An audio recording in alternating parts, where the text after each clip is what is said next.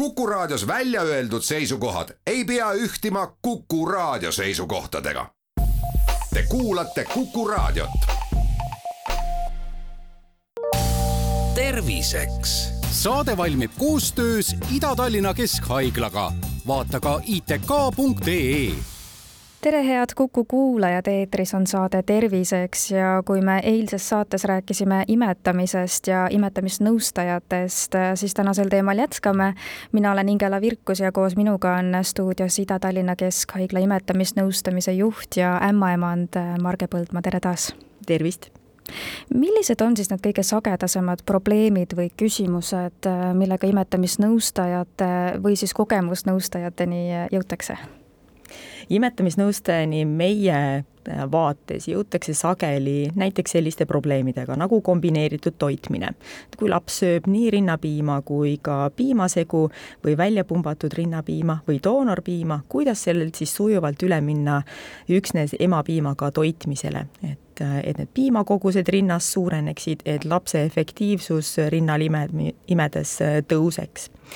ja, ja sinna juurde kuuluvalt ka kõiksugused imetamise abivahendid ja nende kasutamise õpetamine ja sealhulgas näiteks nibukaitsmest võõrutamine ja, ja alternatiivsete toitmisviiside, näiteks äh, toitmistassi õppimine ja seda kõike selleks, et vältida siis näiteks lutipudelist toitmist ja ja et ikkagi rinnapiima kogused hakkaksid suurenema aga, aga neid probleeme on teisigi, et päris sagedasti pöördutakse sellise teemaga nagu, et imetamine on valulik ja üllatus-üllatus, seal põhiliseks äh, teguriks ikkagi on seesama imetamise asend, et äh, läheme tagasi abc juurde, et äh, imetamise asend peab olema mugav ja võimaldama lapsel siis õigesti rinda haarata sageli pöördutakse siis ka näiteks äh, lapse vähese kaaluiibe murega, siis esmalt peab kõigepealt ikkagi selgeks tegema, kas meil on objektiivselt ka tegemist lapse vähese kaaluiibega või on lihtsalt andmeid valesti tõlgendatud ja ja muudatusi toitmises sisse ei ole vaja viia. Rinnatervise erinevad küsimused alates piimastaasidest, rinnapõletikest, aga ka soor, vasospasm, nibulõhed ja erinevad küsimused sellega seonduvalt. aga hilisemalt juba suuremate lastega siis äh, lisatoidu alustamine, tahketoidu pakkumine ja kõiksugused muutused lapse imemisrütmis, mis võivad ka emades küsimusi või, või muret tekitada. et laps hakkab näiteks öösel taas sagedamini sööma, kuigi vanemad ootavad ja loodavad, et laps juba magaks öö läbi kui levinud probleem siis see näiteks on, et imetamine lihtsalt kuidagi nagu ei tule välja, et võib-olla naisel on juba teine või kolmas laps, esimesega oli kõik hästi, aga teisel korral kuidagi nagu ei õnnestu, et võtted ja kõik on justkui samad, aga, aga mingil põhjusel see koostöö ei toimi? Äh, seda, et miks need probleemid äh, tekivad ja mitte võib-olla isegi esimese sünnituse järgselt, vaid ka hilisemalt, on küllaltki keerukas prognoosida tegelikult ühe sellise riskigrupina võibki just nimelt esmasünnitanud välja tuua, et äh, sellest samast kogemuse puudumisest esmakordselt olles selles olukorras võib ka imetamisprobleeme enam esineda. aga hilisemalt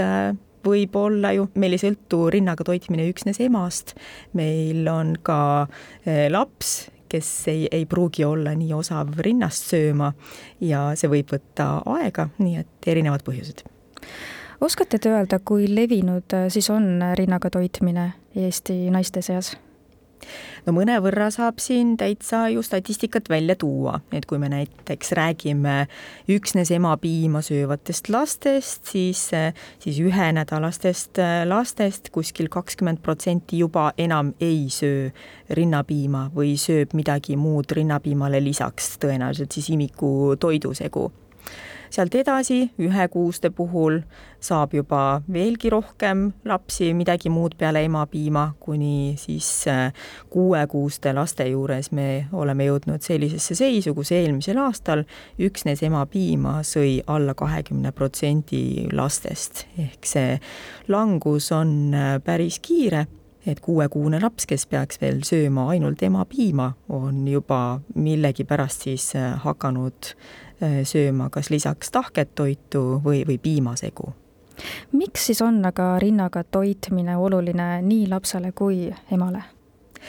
Emapiim katab kogu lapse toiduvajaduse esimese kuue elukuu jooksul ja on seejuures peamine toit kuni esimese sünnipäevani. sealt edasi on samuti rinnaga toitmine oluline, sest rinnapiim katab näiteks ühe kolmandiku lapse valguvajadusest teisel eluaastal ja sisaldab ka jätkuvalt lapse immuunsüsteemi jaoks olulisi antikehi, ja rinnapiima saanud lastel esineb vähem ülekaalulisust, rasvumist ja väiksem on tõenäosus ka haigestuda näiteks diabeeti.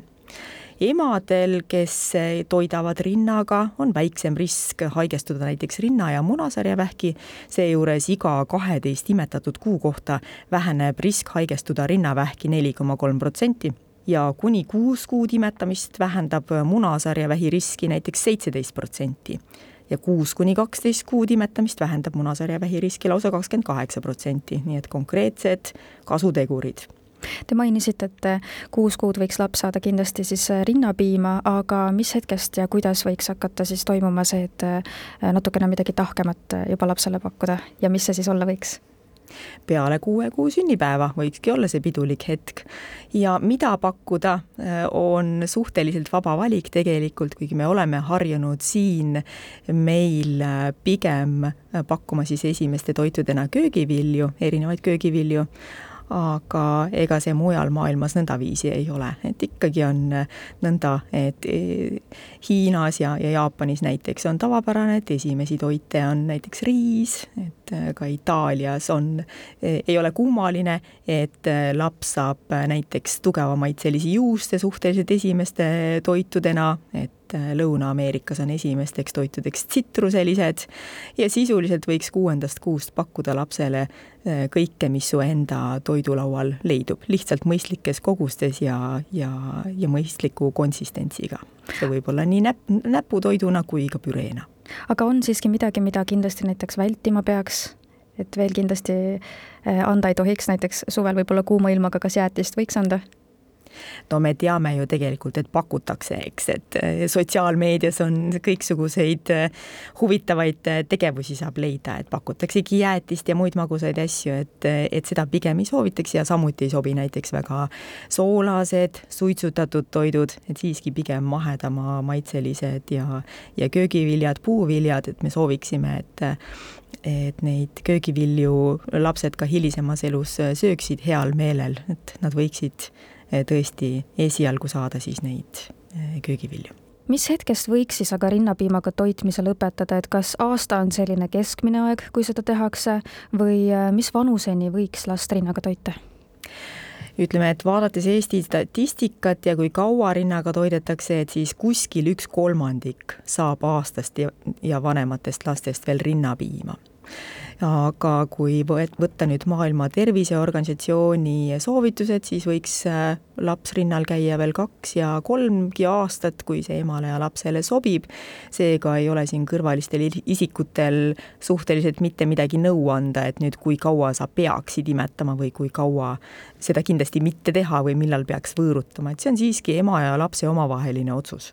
kuidas teile tundub, kuidas ühiskond on selle vastu võtnud, et äh, mingi aeg võib-olla ikkagi tundus, et pigem vaadati natukene altkulmu sellele, kui kahe- või kolmeaastane laps kõnnib ja räägib juba, aga ikka saab veel rinda? Seda on keeruline hinnata, ma arvan, et väga palju tõesti nagu muutunud ei, ei ole, et siiski kohtume jätkuvalt nende emadega, kes, kes tulevad või pöörduvad imetamise kabinetti ja ütlevad, et neil soovitati näiteks lõpetada öine imetamine või, või öeldi, et peale aastat äh, laps rinnapiimast enam midagi kasulikku ei saa, et võib rahulikult hakata otsi kokku tõmbama, mis ei ole tõsi aga teisest küljest, olles ka ise praegu imetav ema oma kolmeaastasele lapsele, siis äh, ma pean ütlema, et ma mingisuguseid äh, kõõrdpilke küll ei ole saanud, aga sain ikkagi ka selle küsimuse osaliseks, minnes siis kaheaastase lapsega äh, kontrolli, et kui kaua plaanite siis veel imetada, mis paneb sind ikkagi automaatselt natukene mõtlema, et aga võib-olla peakski hakkama lõpetama. et nii-öelda muutume justkui kõik ka natukene nagu imetamisnõustajateks, kui me avaldame oma arvamust millegi kohta, mis tegelikult ei ole üldse meie otsustada. Samas on ju uuringuid ja selliseid levinud arvamusi, et äh, pigem mõjub lapsele see hästi, kui äh, pikemalt teda rinnaga toita. et äh, pidid olema intelligentsemad lapsed imetamine võib tõesti olla seoses paremate tulemustega vaimse võimekuse testides nii lapse kui nooruki eas, aga tegelikult andmed ei ole nagu ka nii üheselt võetavad, et, et on uuritud, et rinnapiima saanud laste tulemused võisid olla keskmiselt kolm koma neli punkti kõrgemad mitte kunagi rinnapiima saanud laste tulemustest, seejuures ei olnud siis defineeritud ka, et kui palju need lapsed rinnapiima said, kes seda said aga samal ajal oli kaheksa uuringu ülevaade, mis leidis siis vähe või üldse mitte seoseid imetamise ja intelligentsuse vahel lapsepõlves, nii et päris üheselt ka nõndaviisi väita ei saa, et nüüd need rinnaga toidetud lapsed oleks päris kindlasti nendest mitte rinnapiima saanud lastest intelligentsemad, et küllap seal mängivad siiski ka teised tegurid rolli, mis ei tähenda, et see imetamise kasu lapse tervisele oleks kuidagi vähetähtis, kindlasti on väga tähtis aitäh teile saatesse tulemast, Ida-Tallinna Keskhaigla imetamisnõustamise juht ja ämmaemand Marge Põldmaa ning palju jõudu ja jaksu teile! tänud! terviseks saade valmib koostöös Ida-Tallinna Keskhaiglaga. vaata ka itk.ee